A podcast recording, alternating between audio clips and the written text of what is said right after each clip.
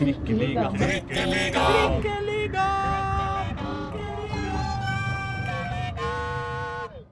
Da setter vi i gang! Velkommen til Trikkeligaen, episode tre, eh, sesong én. Eh, jeg heter Aslak Borgersrud, med meg har jeg Reidar Solli. Han er klar. Bra. Og en splitter ny eh, deltaker på eh, mikrofon to, Ines Sander. Hei, hei. Halla, går det bra?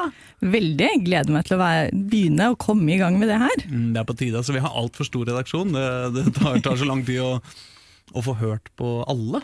Så dessverre for lytterne. Så det er, hm, sånn, sånn er livet. Men Ines, vi må introdusere deg. Eh, Ja. Hvem er du egentlig? Ja, en, I motsetning til en del av de andre som er med her, så jobber jo ikke jeg egentlig med sport i Dagsavisen. Jeg jobber med nyheter, men eh, jeg brenner jo veldig for fotball, og har drevet med det store deler av livet. Ja, ikke sant? Fordi, hvor, du, hvor kommer du fra sånn fotballmessig? Jeg er jo fra Tonsenhagen i Oslo øst nordøst, og laget mitt var jo da Årvoll, som jeg starta å spille på da jeg var syv og et halvt. Mm. Og det som er litt moro, er jo nettopp det at jeg fant ut at jeg ville spille fotball. Gutta i klassen drev jo med dette. De hadde Årvoll, guttelaget var i full gang. Men det var ingenting for oss jenter. Mm. Vi kunne sikkert blitt med på guttelaget, men de var allerede liksom blitt litt gode, da. Eller så god en sjuåring kan kanskje være. Men, eh, Sikkert ikke spesielt gode, egentlig. nei, men de hadde i hvert fall sparka en ball, da. Mm. Det hadde ikke jeg gjort så veldig mye av. Så da snakka jeg med faren min og fant ut at eh, vi måtte jo få i gang et eh, jentelag. Fordi det var jo mange av vennene mine også som kunne tenke seg å være med på det her. Mm. Så da gikk han inn som hovedtrener. Vi fikk i gang et lag. Fikk stabla ganske mange spillere på beina. Um, men moroa var jo selvfølgelig det å møte opp og skulle få treningstider og plutselig skulle ta plass fra guttelaga. Ja, det, sånn kan bli bråk. Jeg husker jo ikke for mye om det blei bråk, men det jeg har fått høre er jo nettopp det at um, vi fikk jo ikke de beste treningstidene. Vi fikk i hvert fall ikke sånn primetime passende etter skole, men også etter jobb for foreldra. Og så fikk vi jo som regel heller ikke de beste banene. Det hendte jo selvfølgelig, det var en grusbane rett ved, hvor vi spilte jo en del der. Eh, eller så var det en liten, liten grusbane ved siden av, og så var det ei gresslette bortafor. Kan hende Gressletta hadde et par mål, jeg husker ikke helt. Men det hendte jo at vi havna der. Jeg kobler Årvoll med et fotballnavn som er stort i Norge, Lars Kjernås. For ikke å snakke om sønnen eh, Jørgen Kjernås, er jo Ja, podkast-helt på en måte. Nemlig, og en som virkelig har oversikt over breddefotballen både her og ute. Absolutt. Han er kjempedyktig. Jeg, uten at jeg skal gå for mye inn for det, så var um, Jørgen var dommer i et Groruddalsmesterskap en gang. Hvor jeg husker at jeg blei så frustrert på han som dommer, at jeg tror kanskje det er det nærmeste jeg har vært å bli Jeg veit ikke om jeg var nærme å bli utvist, jeg var kanskje 13, men eh, jeg var skikkelig sinna. Jørgen Kjernås! Jørgen Kjernås. Nå, ikke sant, allerede da, og nå, ikke sant, podkastkonkurrent. Ja, ja. Uh, Men Årvoll har altså hatt en fyr som har vært assistenten til Drillo, det, det holder for meg, da. det, det er sant. Ja. Og dessuten, ærlig talt, eh, altså, hvis vi er på pappa Kjernås, eh, en av de fotballkommentatorene som virkelig eh, er verdt å høre på, syns jeg, da. Og trent Vålerenga. Ja, men, ja, kanskje ikke ikke, sant? skal handle om han. nei, vi eh, Nei da. skal snakke om deg nå. eh, Men hvor, eh, hvor, hvor, hvor gikk denne fotballkarrieren hen? Nei, etter noen ganske mange sesonger egentlig på Årvoll, hvor vi, vi blei litt bedre etter de 16-18-0-tapa vi starta med, så fant jeg ut at jeg ville fortsette litt mer ordentlig. Så da gikk ferden egentlig videre til Grei, så bortover mot Grorud, da. Eh, De hadde jo Grei på den tida, var jo et av de beste jentelaga i Oslo og omegn, egentlig. Mm. Vi spilte jo på interkrets, og det er jo ikke bare de beste Oslo-laga, da snakker vi jo Akershus og sånn også. Og vi vant jo den tre år på rad. Jeg var aldri best, jeg skal ikke sitte her og snakke hvor meg sjøl opp. Jeg var nok litt potet, før okay. jeg endte nedpå venstre bekk. Jaha. For jeg kan bruke begge beina, Ja. sånn til noe mer enn å gå. Det er Venstre bekken, det, er, det er bra posisjon. Jeg spilte masse der sjøl. For å ta et lite sidesprang, Den beste poteten i bredde, nei ikke breddefotballen, men i Oslo-fotballen nå er Daniel Bråten, vår gamle helt både fra Skeid og Vålerenga. Han spiller jo nå på Skeid. Han har spilt på alle, alle plasser på laget i år. Og sist kamp, venstrebekk. Fantastisk spiller, så det liker jeg å høre at han også var nedpå der. Ja, var du også en sånn lat? Kunne ha blitt sjukt god, var lat. Nei, Nei, nå overdriver jeg. Daniel Bråten blei jo sjukt god. Han spilte i Premier League og i fransk. Ikke sant? Det er ikke, noe- det er ikke noe, det er ikke noe å deale med. Men, han var, eh, men, men jeg mener eh, eh, spillere som er litt sånn litt av og på-spiller. Det Det, er litt annet ord for lat. Det er riktig. det, er, det, er, det er ikke det Han hadde mye høyere topper enn hva jeg noensinne kunne drømme om. De gangene han var på, så er det jo helt fantastisk. Så jeg skal ingen ikke prøve engang å sammenligne meg med han, men jeg var kurant. Ja. Men det var så til du ble voksen-ish? Ja, jeg slutta da siste år junior, da flytta jeg ut av Norge for å studere, så da, og så hadde jeg også en eh, leddbåndskade, så jeg var liksom var egentlig litt ferdig. Men Vet du hva de andre jentene gjorde? Altså Gikk dem videre? I, var det mange med ambisjoner? Ja, absolutt. Eh, Flere av dem har jo fortsatt seinere. Det er jo litt ulike nivåer, men Anja Sønstevold spilte jeg jo med en stund, og det er jo ganske kult å se hvordan hun både har dratt ut av Norge nå, men også spilt på landslaget. Hun var jo alltid en helt annen liga sammenligna med meg, selvfølgelig. Men å ha spilt litt eller og trent litt sammen med spillere som det, er jo kjempemoro.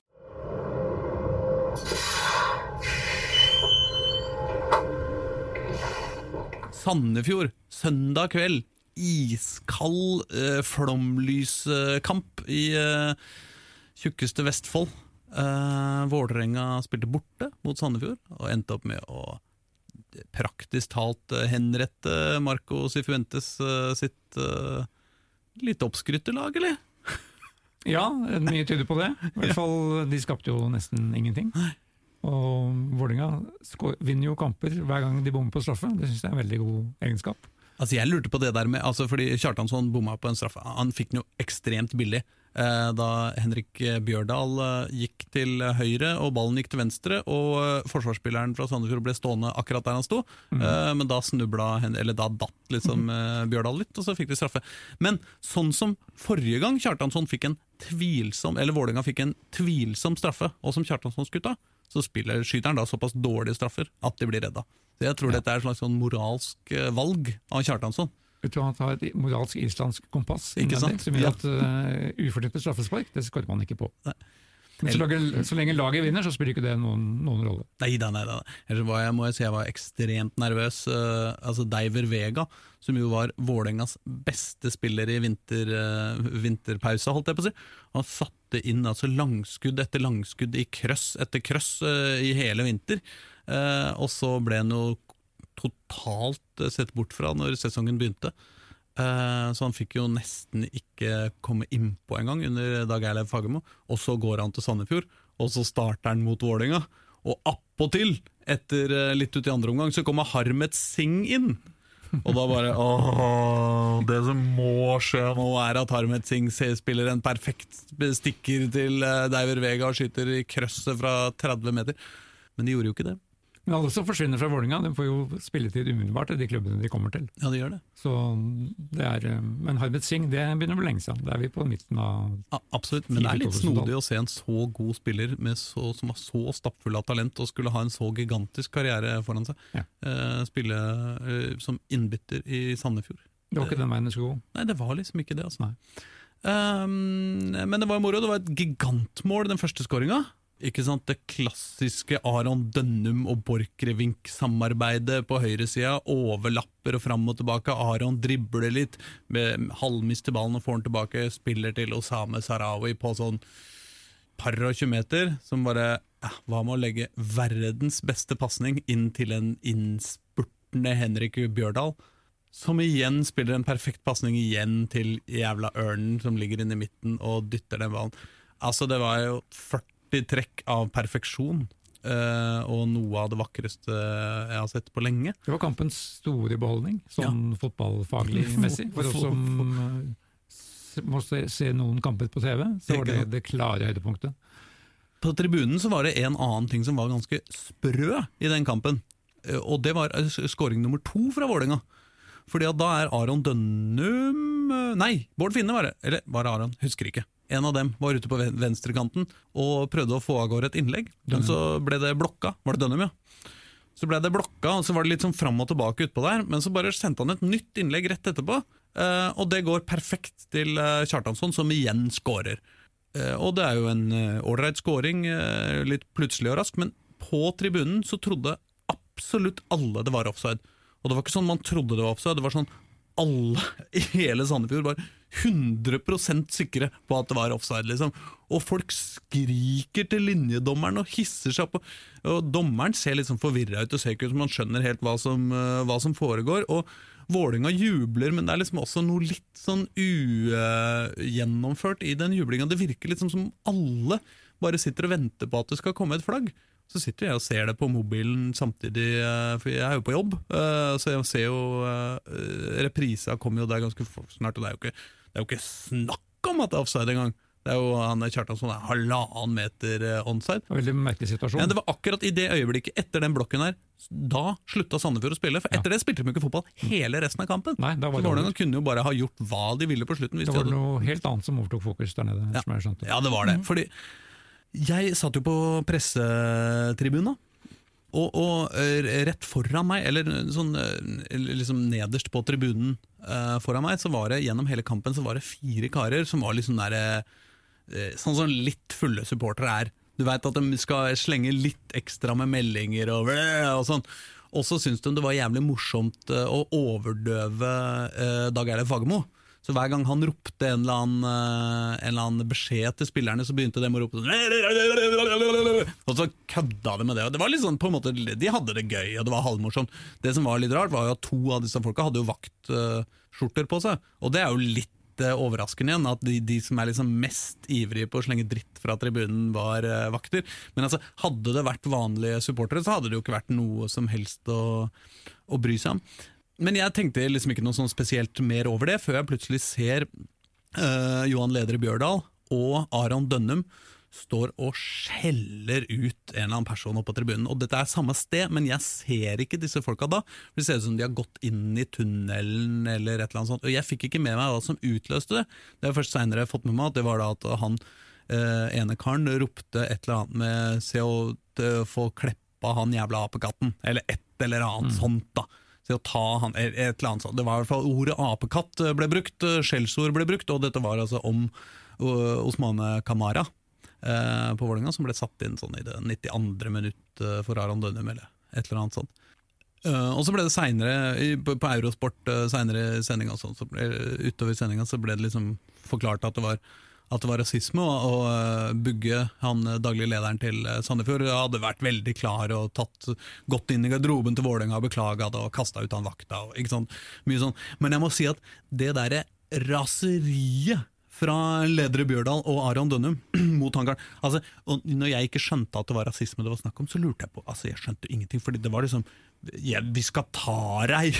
Altså, vi veit hvem du er! Altså, det var helt sånn der, eh, Nå i ettertid så skjønner jeg jo at det kan ha vært fordi han hadde på seg en vaktskjorte, så det var, eller, ikke sant? Og det var, men det var sånn Det var nok ikke ment som 'jeg skal banke deg opp', men det føltes litt sånn når vi så på. liksom, Shit, eh, Johan skal banke opp en Sandefjord-supporter etter kampen, liksom. Det var, var litt overraskende. Men uh, Så det, var, så det var jo han eh, egentlig som var varsleren her, da, i gåseøyne. ja, det, som det, jeg tror det var han som, var han som reagerte ordentlig, og, og som og jeg må bare si at jeg, jeg likte det så godt. Det, det var ikke noe kunstig, og det var ikke noe, det var ikke noe sånn politisk korrekt sånn 'nå gjør vi det vi skal gjøre her'. Det var ekte og genuint sinne, og, og og det å forsvare lagkompisen sin. Det er jo det beste. Det er jo den beste måten å ta det på. Vi snakker jo veldig mye om hvordan skal man reagere på rasisme. Eh, hvis du bare sier 'oi, nå sa han noe', eh, så er det jo ingen som får det med seg på samme måte. Og det er jo det som åpner mer for kanskje en litt ordentlig debatt her nå, at vi hørte de utrolig kraftige reaksjonene fra medspillere. Mm.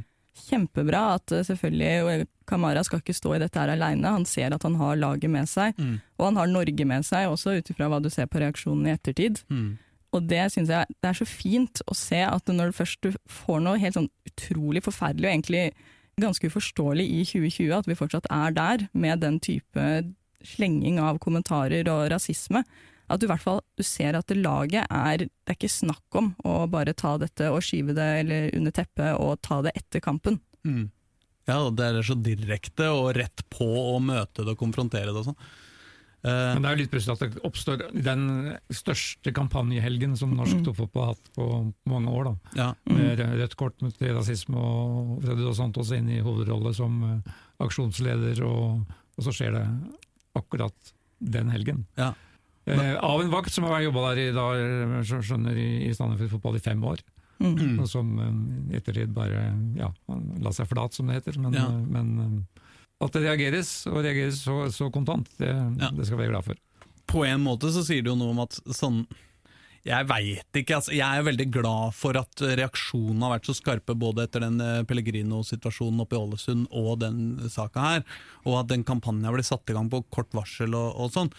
Men jeg, jeg syns jo på en måte at det at det nettopp skjer den samme helga som den kampanjen er, er satt i gang, tyder jo også på kanskje at den kampanjen ikke har eh, At en sånn type kampanje fra sentralt i norsk eh, fotball Det skal mye til at den virkelig kan få gjennomslag sånn ut i, ut i hver enkelt klubb og blant supportere. Og, og, og, og, sånn. Jeg kjenner at jeg er sånn på en måte litt skeptisk til det, fordi at som fotballsupportere, da, og som fotballengasjerte, så er, jo, så er det jo laget vårt vi er opptatt av.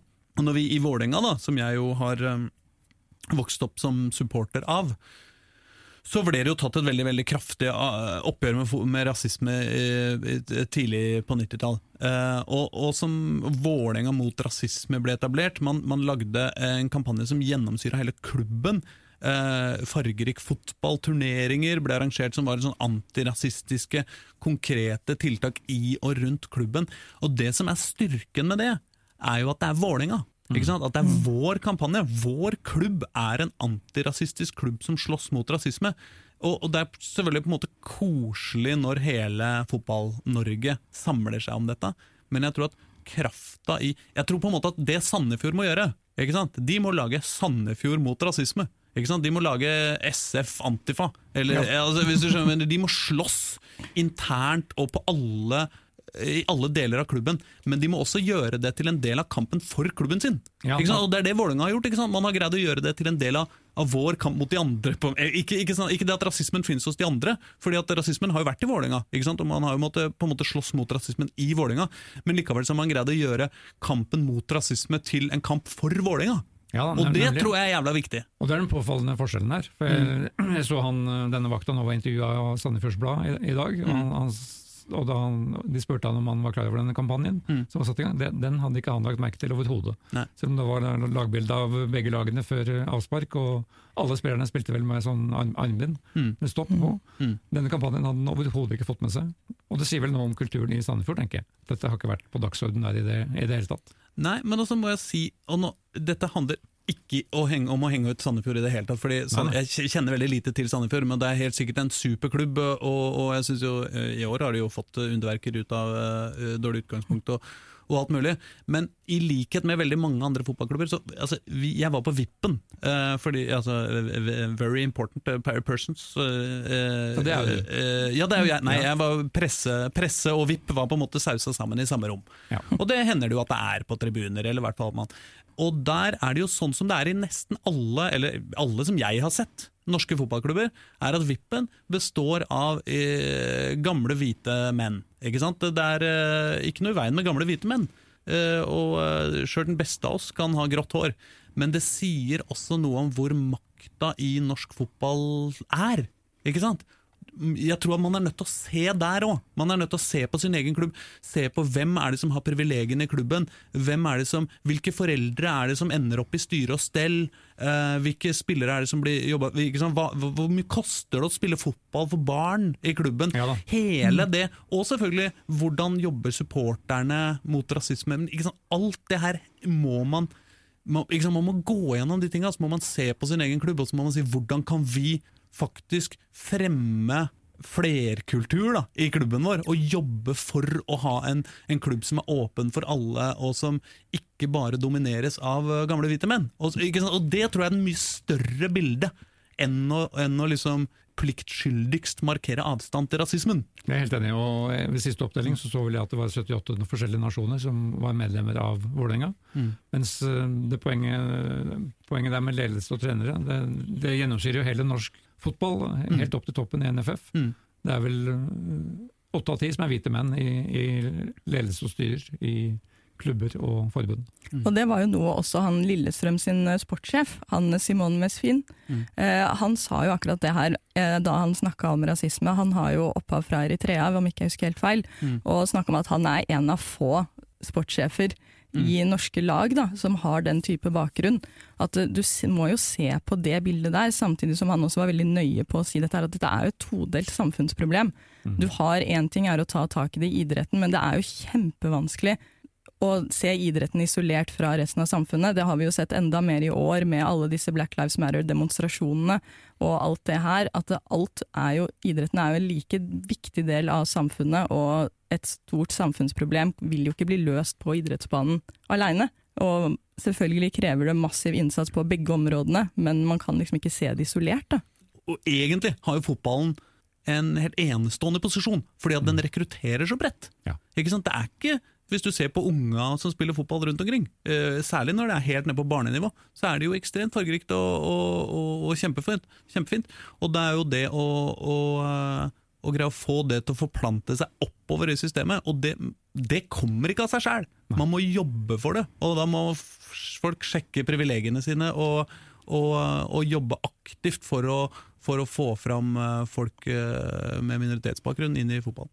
Men også, som du sier, vi ser det. Det er et kjempefint mangfold når du ser på veldig mange av disse barnelaga og alt sammen. Men jeg snakka med de fra sportklubben Sterling tidligere i år. Det er jo en klubb for eh, særlig ungdom på Grønland og Tøyen i Oslo. Og da er det jo veldig mange med minoritetsbakgrunn. Og en del av de tingene de fortalte, det er liksom det går helt ned i småbarnsalderen. Du har et jentelag på ti som skal ta, eh, ta motstanderen i hånda før kampen, og så vil ikke motstanderne og drar drakta over hånda si og liksom æsj, dere er skitne. Mm. Dette er ti år gamle barn. Altså, vi må bare tenke at det her er, er så Det starter så tidlig. Mm. Og også da når jeg snakker med en som forteller, nå er han 18, og så fortalte han da at han fikk apelyder mot seg en gang som 15-åring. Det er veldig mye vanskeligere å håndtere dette for barn. De har jo ikke de verktøyene for å vite nødvendigvis hvordan man best mulig skal håndtere det når du havner i den situasjonen, som jo er en helt forferdelig situasjon å havne i. Mm. Så hele den bevisstgjøringa fra ledernivå og alt sammen, det må bare starte altså med én gang. Mm. Helt i starten, og bare vise at det, her er vi på ballen. Mm. Og så er det jo selvfølgelig noe med For én ting er jo holdninger, men en annen ting er jo de økonomiske forholda, på en måte. Og Sterling er jo et glimrende eksempel på en klubb som Altså en bydel, eller en delbydel, eller et område i byen, som, som virkelig ikke har hatt fotballbaner.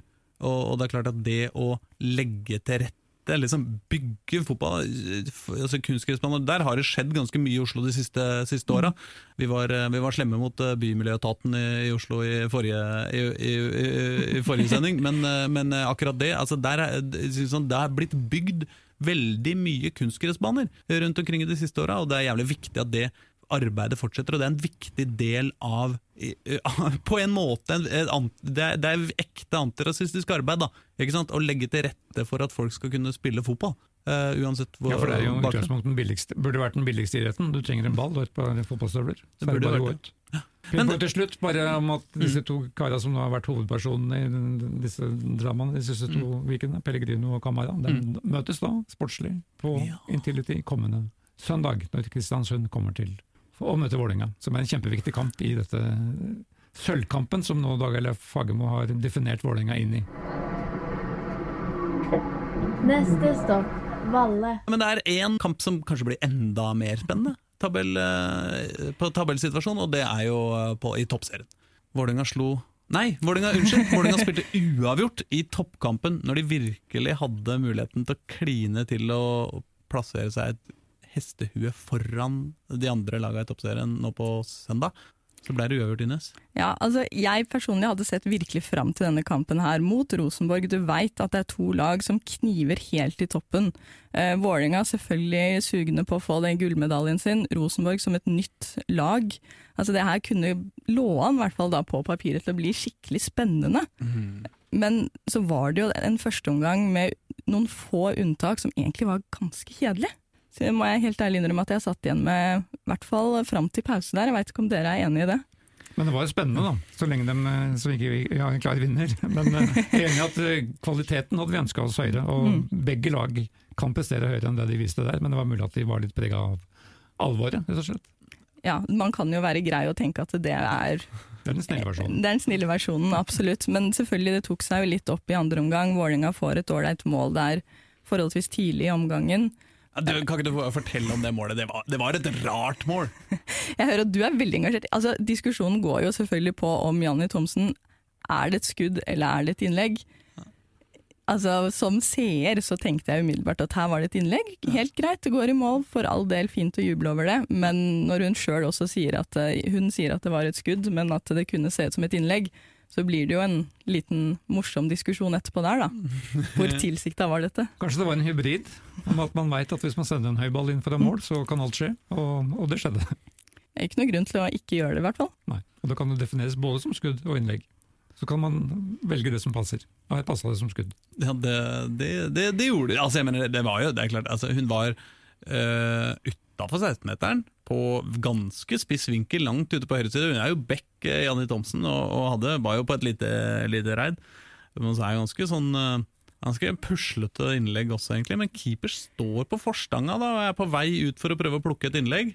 Og så daler han over, og, og så havner han jo perfekt i krøsset. Det er jo ikke mulig å plassere ballen bedre eh, fra der hvor Janne Thomsen skyter. Sånn Plasseringsmessig så syns jeg jo da 1-1-målet kanskje også går greit inn og snakke om en god plassering. Altså Når Rosenborg der faktisk utligner fem sekunder før overtida er over, med det skuddet fra Sara Fornes, da Det var en morsom avslutning på den kampen der. Hun det er skikkelig rot i Vålerenga-forsvaret. Klarer ikke å få rydda unna den ballen. Hun smeller til med utsida og får en helt sånn perfekt bane på den ballen rett i mål. Så jeg vil nok si at jeg syns det kanskje var enda et Altså- par hakk opp, da. Hvis, uh, hvis ikke nettet hadde vært uh, kraftig nok, så hadde den ballen flydd til uh, over tribunen på Intility og over, ned på Valhall, eh, 100 meter bortafor. Altså knallhardt og, og veldig sånn Nå skal jeg faen meg score! Sånn, sånn type og møkker til.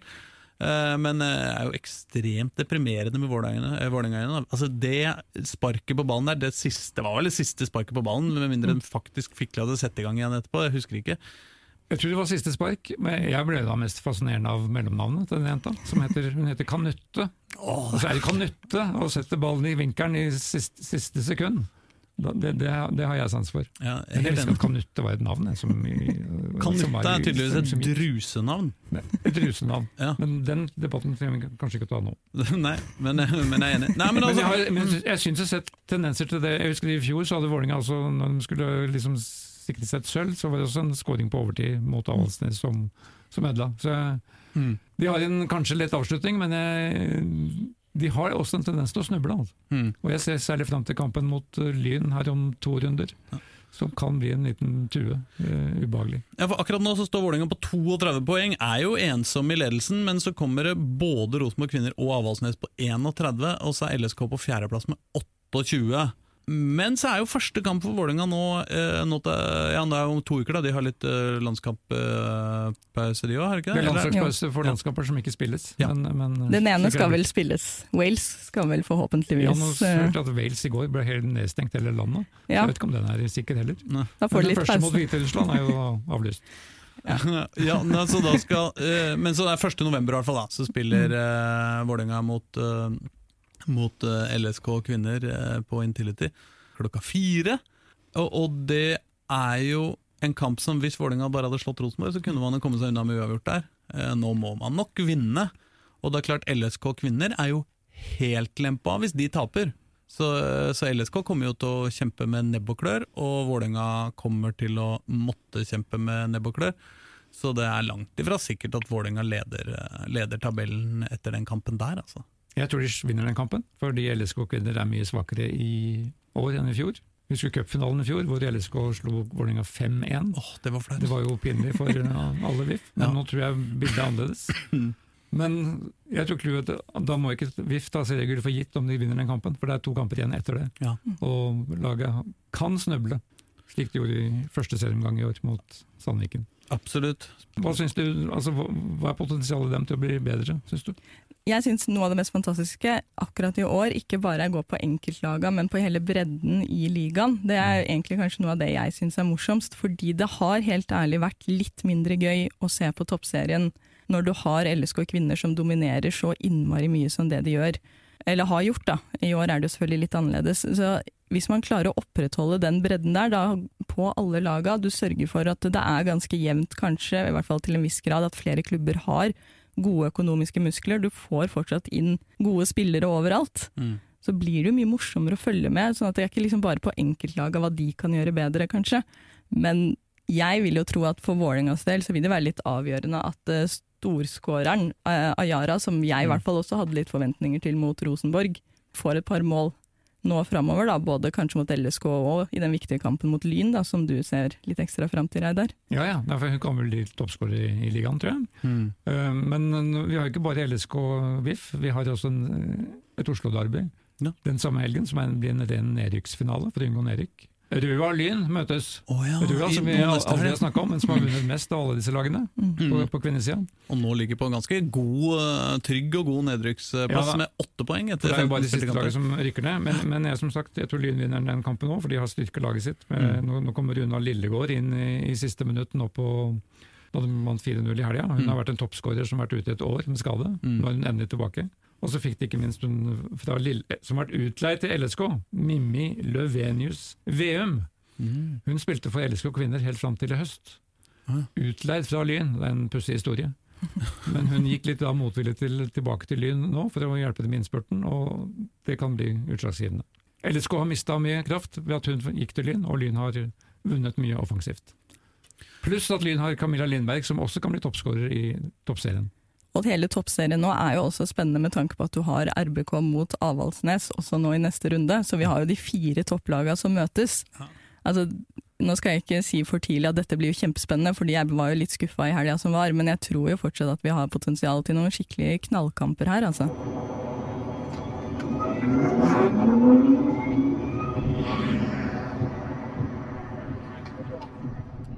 Men dere, vi må videre.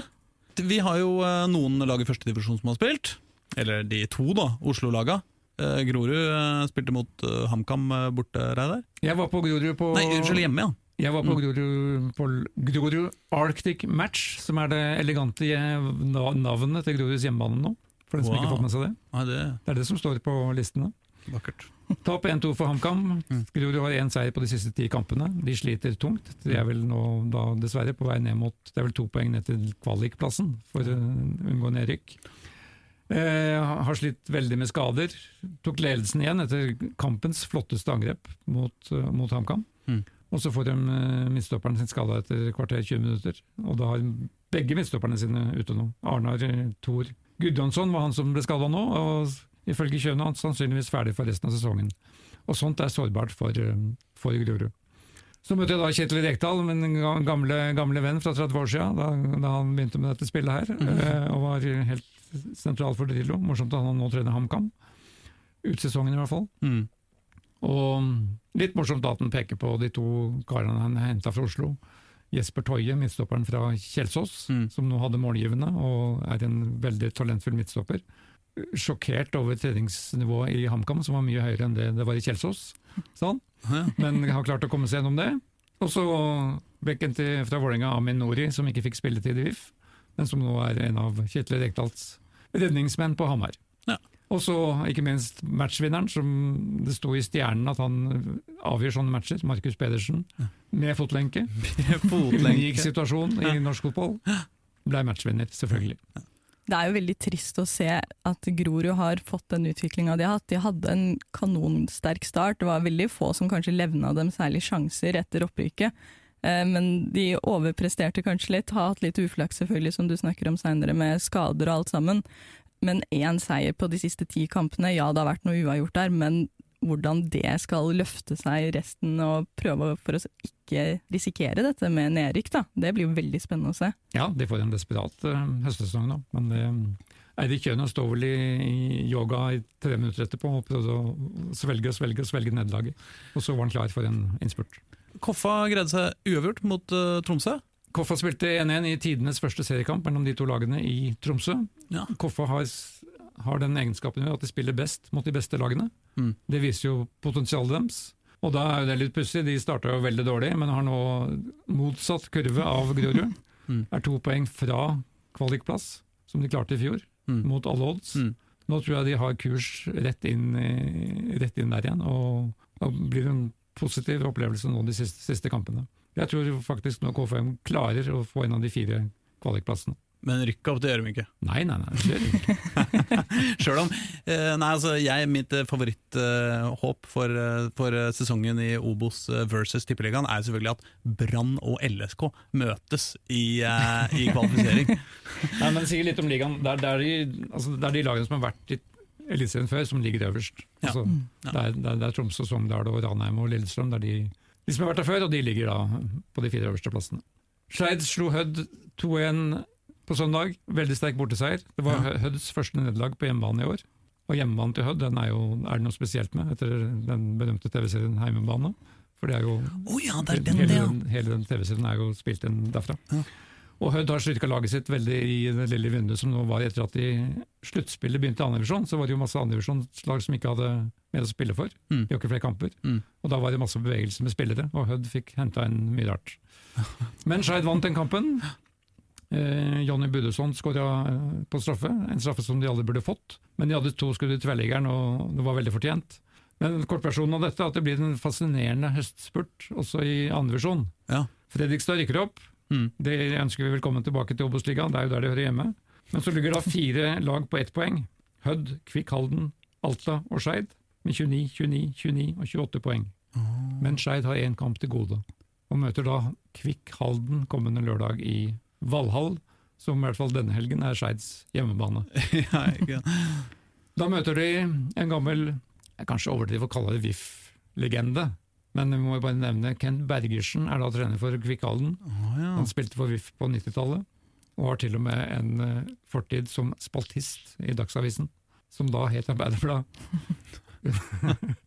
Spalten het da Kentas Corner. Å, det er fint! Det ble ikke noen varesuksess i, i norsk presse, men han uh, har klart å få Kvikkhalden inn i, i opprykkskampen til Obos-ligaen. Han kunne, han ha han kunne overlatt den til Kent, den til Kent Carlsen seinere, så kunne vi, kunne vi ha kjørt på. det betyr at Skeid-sesongen der, kan, altså dette opprykket, hvis de går så langt, det er ikke klart før i midten av desember. Så andrevisjon lever. Da Spørsmål? kan vi gå til lytter, eh, lytterspørsmål, som vi har fått på Twitter at uh, Trikkeligaen. Fortsett med det, altså det er veldig hyggelig. Uh, Lars at uh, OL-silo, hva nå det skal bety, spør hva tror dere er grunnen til at få eller ingen lag fra bydel Østensjø har etablert seg i andredivisjon, med unntak av Oppsals sesong der, hvor man, mange mennesker i bydelen og Oppsal og Bøler er store breddeklubber. Ja, Da burde vi hatt Håkon her, da. Men, men altså, du nevnte Oppsal, det er jo det som er, er fremste laget der, ettersom jeg skjønner. Ja, Og de, har jo, de går litt sånn heistrafikk mellom annen og tredje divisjon. mm, Det er jo umulig å si hva de har gjort i år, og hvordan de klarer å styrke laget til, til neste år. Men uh, Oppsal er jo en uh, Jeg vet jeg kjenner jo fra aldersbestemt fotball i årevis i Oslo. Der har man alltid vært veldig bra. Det er mange gode breddeklubber i Oslo, altså i Østensjø og i og for seg på en måte jeg regner jo litt som bydel sør, eller som Oslo sør, liksom. Eh, Sørøst, i hvert fall. Eh, ja, det er jo også Abildsø og Manglerud, og, og, eh, og så har de jo ikke sant, Klemetsrud nedover, og Hauketo og Holmlia. og Men dette var jo gamle Oslo øst, da, som vi snakka om i det er det, første gangen. vet du. Og det tror jeg kanskje er den største sånn enkeltforklaringa. Er jo liksom Oslo øst. Klubben dukka opp, ødela alt. gikk konkurs, alt gikk til helvete. Manglerud beholdt vel plassen sin i tabellsystemet, men alle andre måtte pent rykke tilbake til start. Eh, og da er det jo tungt, da.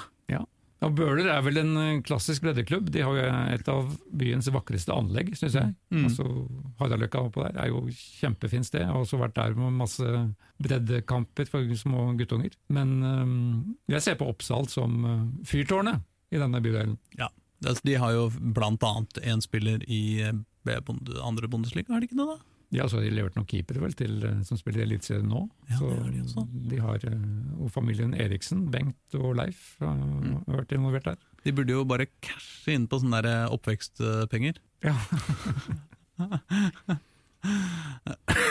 Men så skal det jo sies at man kan jo sjelden se fotballklubber helt uh, aleine. Man må på en måte se det i sammenheng med byen de er fra. Det er klart at Oslo øst uh, uh, har jo noen andre klubber som, uh, som, eh, som har tatt mye gode spillere. Vålerenga f.eks. har tatt mye gode spillere opp igjennom. Eh, Koffa eh, er jo ikke så langt unna eh, bydel Østensjø, selv om det ikke ligger i, bydelen, men med sine enorme anlegg og nå også sportslig suksess. Ja. Og, og sammen med Grorud og Kjelsås, som jo tross alt på en måte Ok, det, det, det begynner å bli et stykke, et stykke med, med sparkesykkelen, men når man begynner å bli litt, litt oppi åra, så er det jo mange klubber å gå til på liksom de fleste nivåer, da. Ikke sant? Om du tar sjansen, eller om du skal Hvis du er eh, 16-åring eh, med et skikkelig fotballtalent, så er det klart det går an å gå til Vålerenga, men det går også an å gå til Kjelsås eller Koffa eller, eller Grorud. Eh, Så det er veldig mange alternativer eh, Det er veldig mye å velge. Det, det, er ganske, som er mer fristende enn Abelsjå, kanskje. det er som Fredrik Santos skrev en hel bok om en gang. Det er ganske mange ganske gode fotballspillere i Oslo. Ja. Og som da er på ganske mange ganske gode lag. Men hadde det, vært, sorry, hadde det vært mulig å gjøre det et eller annet sånn som Bjerkealliansen da gjorde på Årvoll, der hvor jeg Ja, er fra? Ja. De slo jo sammen på mm, liksom guttenivå, så var det Årvoll, det var Linderud og det var Hasleløren sine guttelag.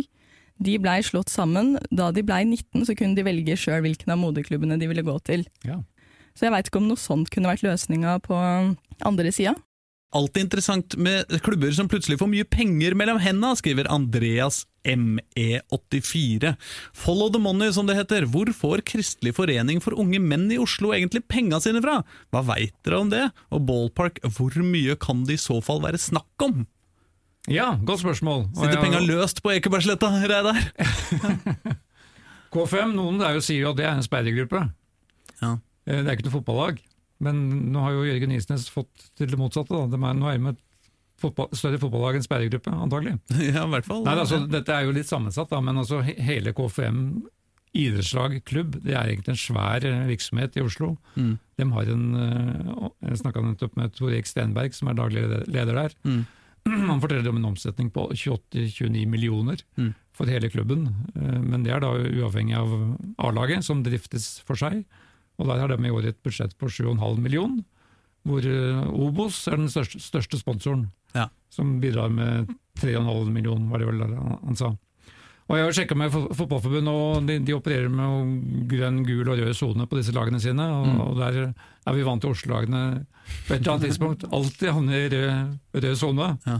K5 har alltid vært i grønn sone. Altså, det er liksom det barn uten noen problemer i, i fotballen. Ja. Så det er klart Vi kommer ikke unna at det er en sunn, sunn drift der oppe. Og, han, og som han også sa, å være i Obos-ligaen skaper også en del mer inntekter via TV-avtalen. Mm. Så de går med 100 000 i overskudd i år, regner han med. Selv om de, de, de har da også fått kompensasjonsmidler pga. koronasituasjonen, selvfølgelig.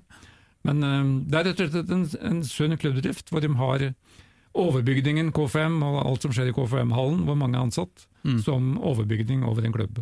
Som driftes veldig godt, som har en stor yngresavdeling, og som attpåtil får en ny arena kanskje om to år. skal jeg også sies at eh, KFM er jo kanskje den klubben i Oslo med best tilgang til baner. Eh, Det er jo et godt utgangspunkt for å bygge klubb, sjøl selv om det selvfølgelig er viktigst for bredden og ikke så viktigst for, eh, for toppen.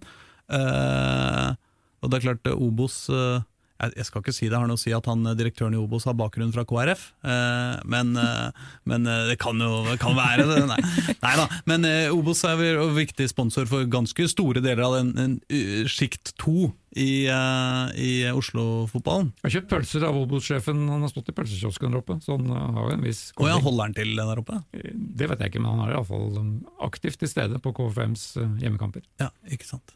Jeg tror vi sier takk for oss denne gangen, så høres vi til uka. Det blir spennende helg. Herre min hatt. Bare glede seg. Ha det! Ha det godt. Ha det